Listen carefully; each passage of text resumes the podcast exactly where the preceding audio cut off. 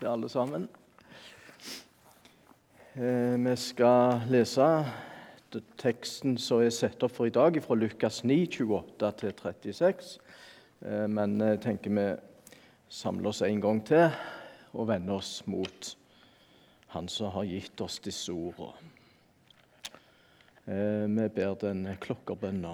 Herre, jeg er kommet inn i dette hellige huset ditt for å ta imot det så du, Gud Fader, skaperen min, du, Herre Jesus, frelseren min, du, Hellige Ande, trøysteren min i liv og død, vil tale til meg. Lat nå opp hjertet mitt ved Din Hellige Ande, så jeg kan sørge over syndene mine, leve i trua på Din nåde. Og sammen med hele ditt folk fornyes dag for dag i et sant og hellig liv. Amen.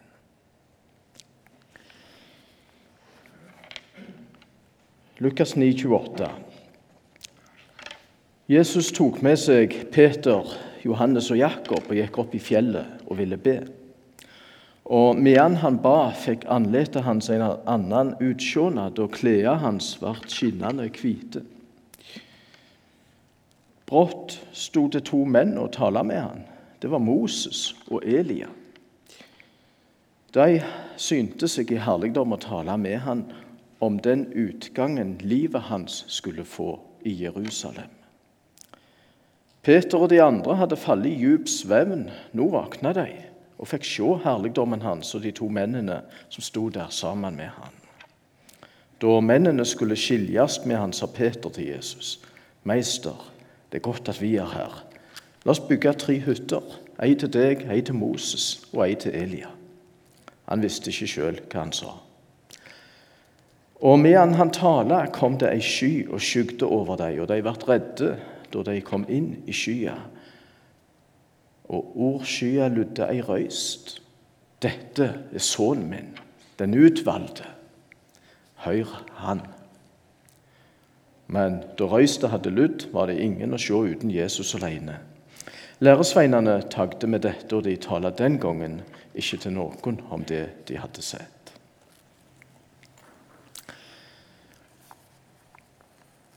Ja, de fikk nok et større syn på Jesus denne dagen, Peter, Johannes og Jakob.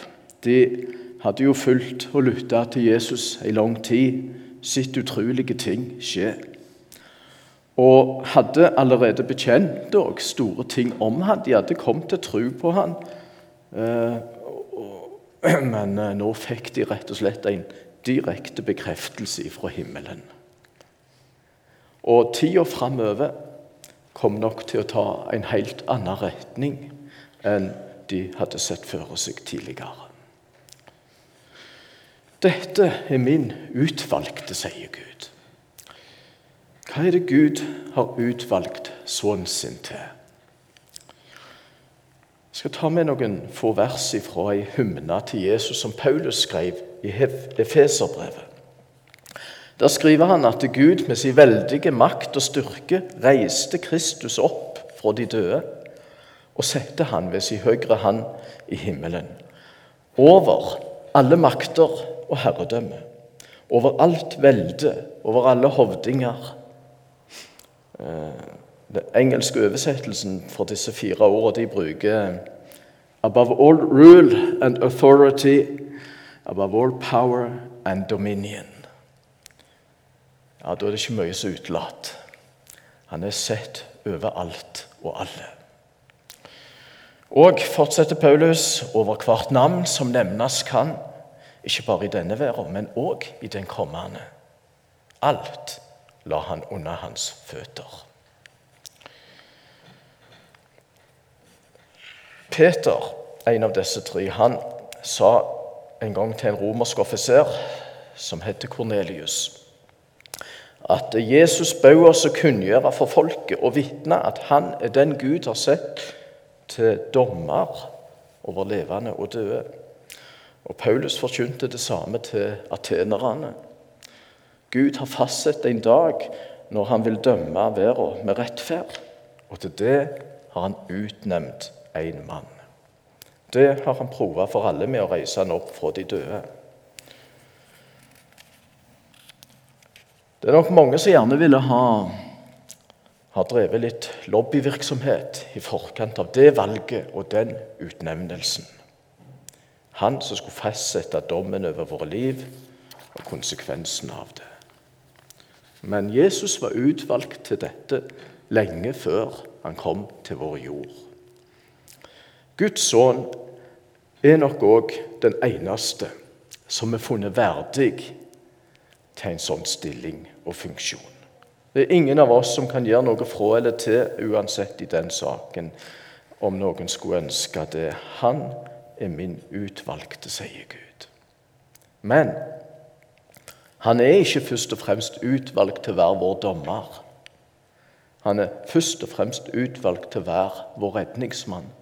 En frelser som frir meg fra dommen, ja, som leder meg utenom dommen. Han sier det sånn i Jesus i Johannes 5.: Sannelig, sannelig, det sier jeg dere. Den som hører mitt ord og tror på Han som sendte meg, har evig liv, og han kommer ikke for dommen. Han har gått over fra døden til livet. Og Moses og Elias sin samtale med Jesus der på fjellet handla nettopp om den saken. Om hvordan en sånn frelse kunne ordnes. I starten av evangeliet sitt skriver Lukas at han hadde tilgang til flere nedtegnelser av Jesu liv og virke. Men dedikert og nøye som han var, så granska han òg på eierhånd. Han eh, snakka nok med disiplene, øyenvitnene.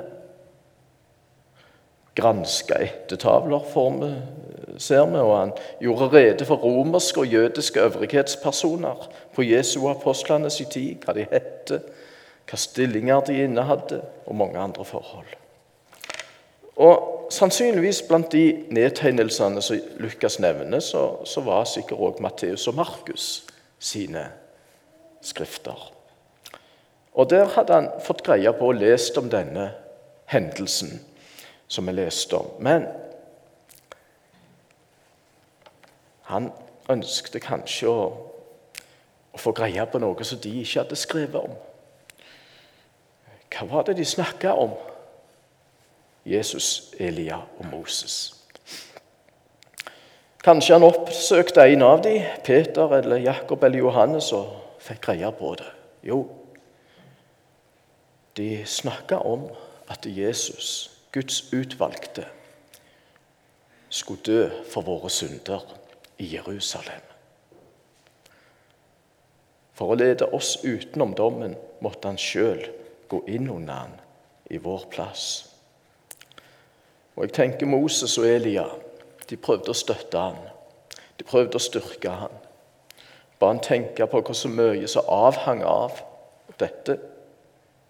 Hva lønna ville bli for denne fornedrelsen og lidelsen. Frelsa i Guds herlighet for alt Guds folk. Er mange som følger med deg, Jesus. Du kommer til å klare det. Du er Guds utvalgte. Du må klare det. I hebreerbrevet så leser vi at eh, når Jesus døde, så døde han som et fullkomment sonoffer for all synd i alle generasjoner. Og Det ble òg redningen for de som levde før han kom. Så det står det ble til forløsning fra overtredelsene under den første pakt. Og Det er litt rart å tenke på det da, at Moses og Elia som sto der og snakket med Jesus om det som skulle skje, at de var sjøl faktisk avhengige av at For sin egen frelses skyld at det faktisk skjedde. Den bestemte utgangen av Jesu liv i Jerusalem, som de snakket med han om. På samme måte som vi òg er avhengige av det for å bli ledet utenfor dommen. Jesus skulle sone vår skyld, så den ikke lenger kan føre skyld eller dom over oss. Så han kunne si, 'Den som tror på meg, kommer ikke for dommen'. Jeg har vært der i din plass. Så undres vi hvordan kunne det skje? Han som i alle ting var den reneste, den beste, som var utvalgt til å være den største i alle forhold. I, sett over alt og alle i alle tilværelser. Hvordan kunne han bli utvalgt til en sånn lidelse og død for andre? Jeg tenker det var ingen andre som, som var ren nok og god nok og stor nok til å sone våre synder. Moses kunne ikke, Elia kunne ikke. Det var en oppgave som ingen andre var gode nok for. Det er jo sånn at til større han er, og til bedre han er den som ofres, til større er offeret. Snorre skriver jo om hvordan de ofra eller blota i vikingtida. Hvis det var dårlige avlinger, så begynte de med okser, ofra okser. Hvis det fortsatt var dårlige år, så tok de fatt på å ofre menn. Hjalp ikke det, måtte de høyere opp og ta kongen og ofre han.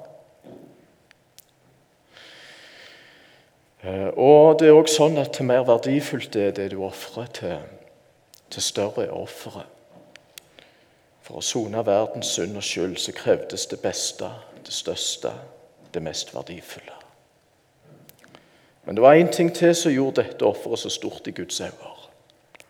Ja, som gjorde at det ble stort nok. Jesus lot det skje frivillig.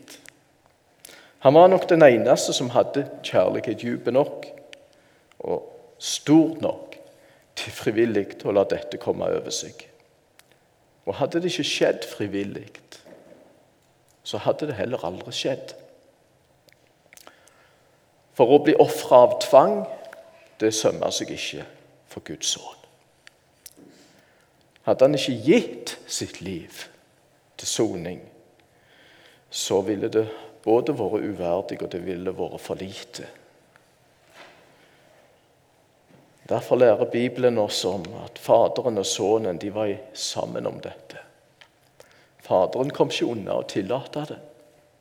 Han kom ikke unna å sende sønnen sin til dette oppdraget for kjærligheten drev han til det.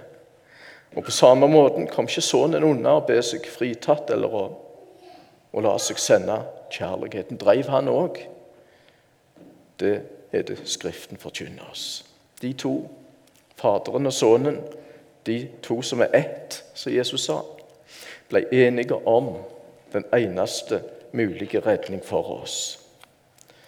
At Sønnen i vår plass skulle bli lønna etter våre misgjerninger så han at Gud ikke måtte gjøre med oss etter våre synder, ikke lønne oss etter våre misgjerninger. Jeg må rett ofte be om det. Ehm, Gud handler ikke med meg, gjør ikke med meg etter tankene mine. Gi meg ikke det jeg fortjener. Lønn meg ikke etter ordene mine og handlingene mine. Jeg får be den bønnen både ut ifra løftet i Salme 103, der dette står, og òg for Jesu Kristi skyld, han som tok det på seg. Så dette snakka de om, Moses og Elia og Jesus. Utgangen livet han skulle få i Jerusalem. Etter hvert så disiplene våkna til, så kom denne røsten fra himmelen, fra Gud, Faderen. Dette er sønnen min, min utvalgte. Hør han. Lytt til han. Ta til deg hans ord. Det var og det er ikke en innkalling til et rettsmøte der dommen over våre liv skal forkynnes. Nei, det er en innbydelse, sikkert mer enn det, en innstendig befaling om å høre hva Sønnen og Faderen sammen har gjort til vår frelse. I Johannes 17 så leser vi at de ord som Jesus talte, Altså De ord som Gud ber oss å lytte til, det var ord og budskap han hadde fått av Faderen sjøl. Det er ei bønn til Faderen. Jesus sa det. De ordene du ga meg, de har jeg gitt videre til dem. Og vet du hva? De har tatt imot dem. De har sanna fullt ut at 'jeg har gått ut fra deg', og de tror at du har sendt meg. Den største og inderligste gleden som sønnen her får dele med Faderen i fortrulighet. Og hva skjer da? Hva skjer når et menneske fatter tillit til Jesus og tar imot hans ord, ord som ord fra sin skaper og Gud? Ord til frelse, ord til rettledning, ord ifra Han som Gud har gjort til den største i alle tilværelser og sendt til oss. Hva skjer hvis du åpner deg for det og tar imot? Det mennesket vil Gud elske, sa Jesus. Johannes 14, 21 og 23. Tenk på det, du som har kommet til gudstjeneste i dag, for å høre ord og budskap ifra Guds utvalgte. Det mennesket skal far min elske, sa Jesus. Den som holder fast på mine ord, den som elsker meg og holder mine bud. Ikke bare det, jeg òg skal elske han, sier han. Og vi, altså Faderen og jeg, vi skal komme til han og ta bostad hos han.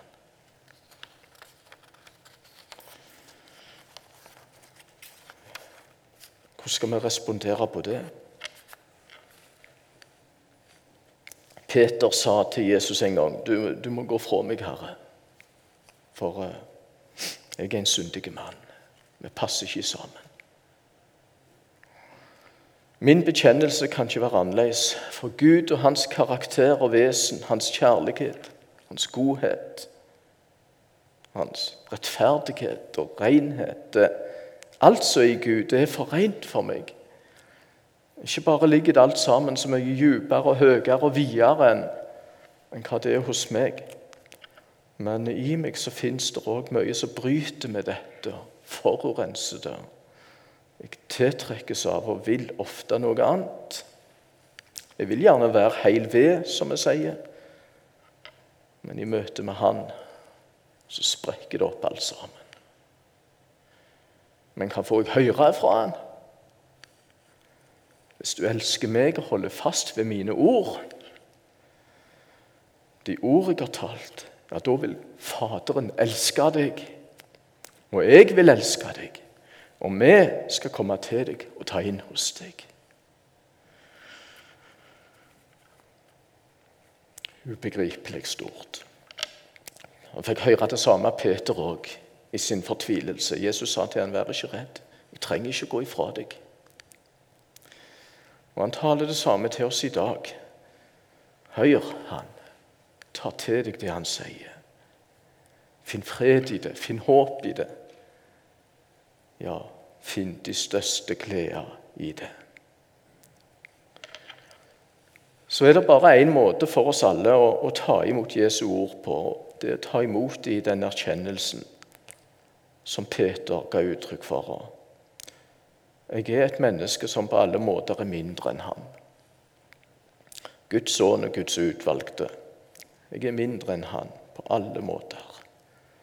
Og jeg kan få ta imot i erkjennelsen av at dette er ufortjent. Og ingen av oss har gjort seg fortjent til at Guds sønn skulle dø for oss. Ingen har gjort oss fortjent til å å få nåde uten Jesus soning. Så skal vi ta imot disse ord, evangeliet, da må vi gjøre det med denne erkjennelsen. Dette er av ren og skjær godhet og nåde. At det sies til meg fra himmelen dette er min utvalgte, hør han. Ta imot og ta til deg det han sier. Ta imot den nåde og frelse han vant for deg. i sin lidelse og død, og som derfor sa og sier nå, sønn, datter, syndene dine er tilgitt. Gå i fred.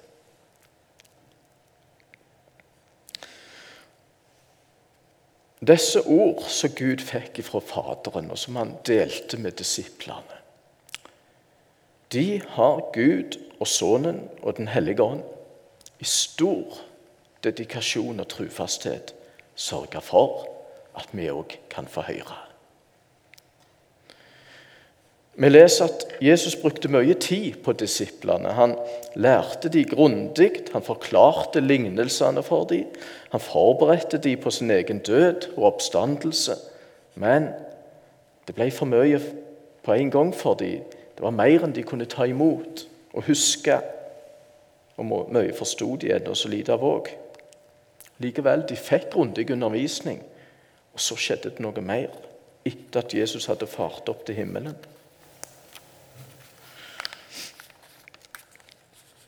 Da fikk de videreutdannelse av Guds og Jesu ånd.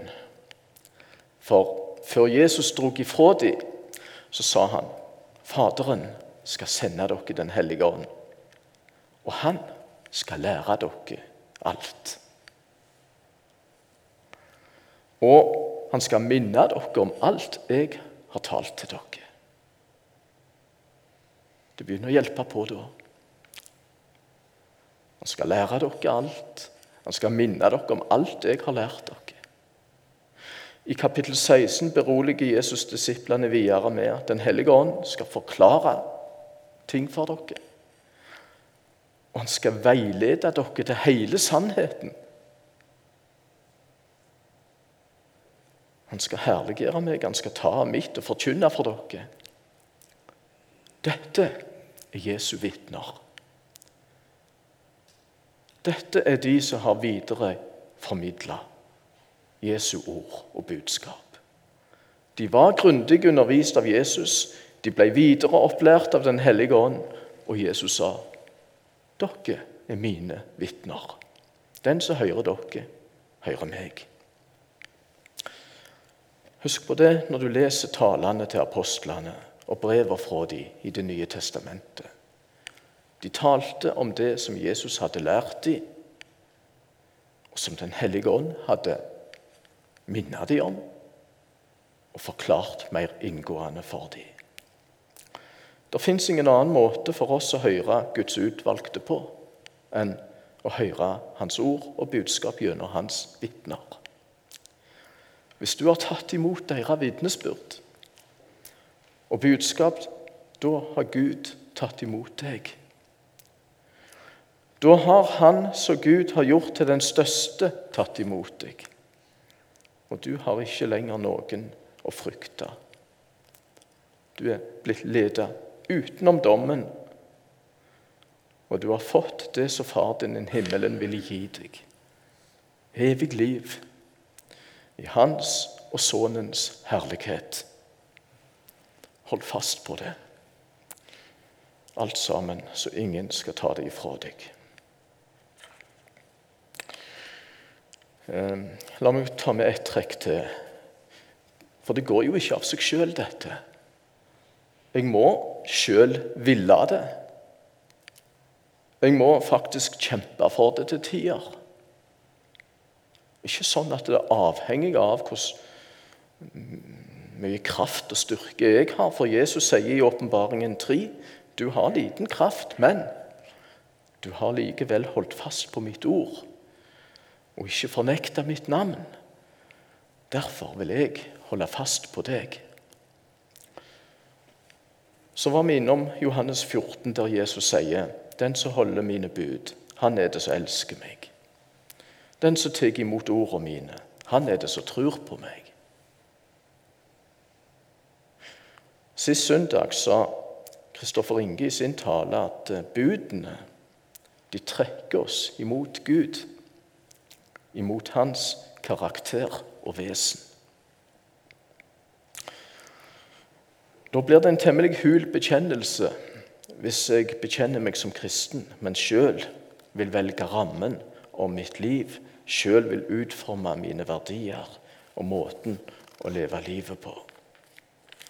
Nei, elsker vi Gud og elsker vi Jesus Kristus, har vi kommet til tro på Han, da har vi òg fatta tillit til Han.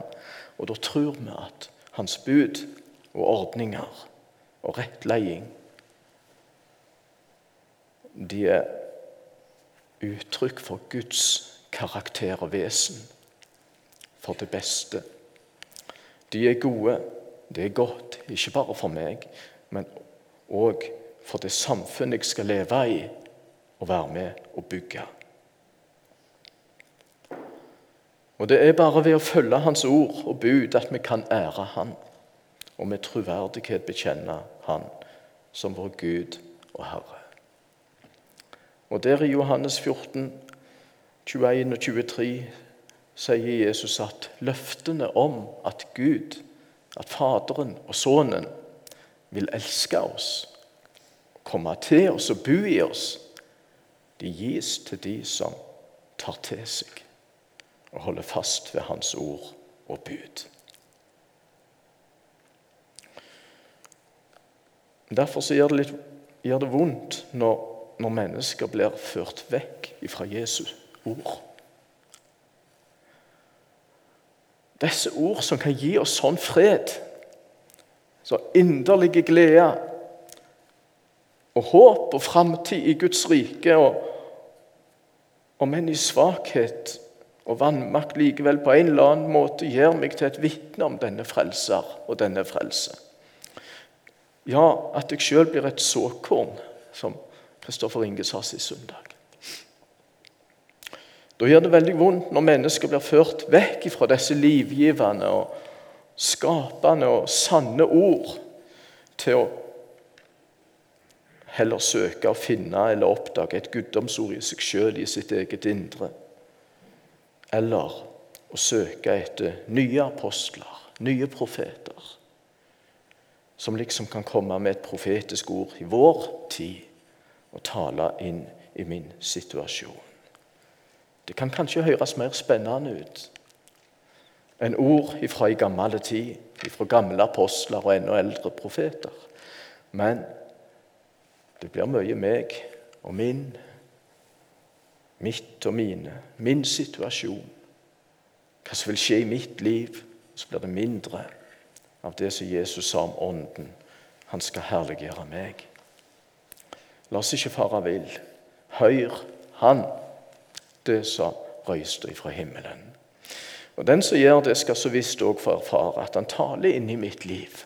Det gjør han. I min situasjon, til mitt hjerte. Det kan bli spennende nok, men det er ikke hovedsaken. Hovedsaken er ikke å gi spenning, og for den del heller ikke avlede ifra et ansvarlig liv der du som voksen tar egne valg innenfor de rammer Gud har satt. Jeg så en gang på et av de Masterchef-programmene til Gordon Ramsay. og En av deltakerne var leder av et kor i menigheten, så han hadde en viss kristen sjargong. Men i det programmet så stelte han i stand en slags dessert, tror jeg det var, som selv vi som så på, syntes var lite innbydende. Hva i all verden er det du har sausa sammen her? Eh, spurte Gordon. Og Big Willy, som de kalte han, fant ikke annet enn å si It just, it just came to me. Men han måtte jo sjøl òg konkludere med Oh, my dish sucked. That did not work. En annen fikk høre Congratulations for standing out today. Possibly outside the door. Den var originalretten han hadde laga. Han hadde hatt det spennende. Han skilte seg ut, fikk oppmerksomhet. Men sammensetningen av ingredienser, smaker, konsistens og farger strei imot alle kokkekunstens regler. Hva hjelper det da å insistere på å følge egne innskytelser hvis vi med det setter oss utenfor? Standing out, but outside. It just came to me. Visst hender det at Herren minner oss om ting og gir oss tanker og ideer. Og eh, jeg ber ofte om det. Men det er ikke alt som kommer til oss, som er til å sette lit til. Og de største og mest avgjørende ting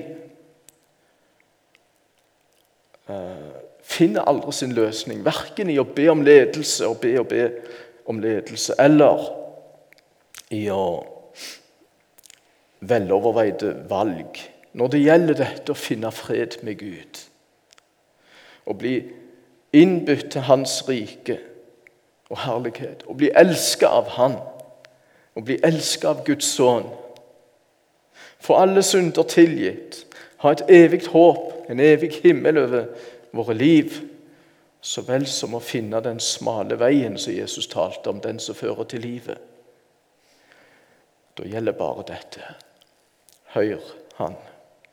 Ta imot Han, og ta imot ordet Hans. Det er livets ord som Faderen ga til Jesus for å gi til deg og meg. Han forsvinner aldri. Han ga oss disse ord. Og sammen med Faderen bor han i oss ved sin ånd. Skal aldri forlate oss, aldri glemme oss.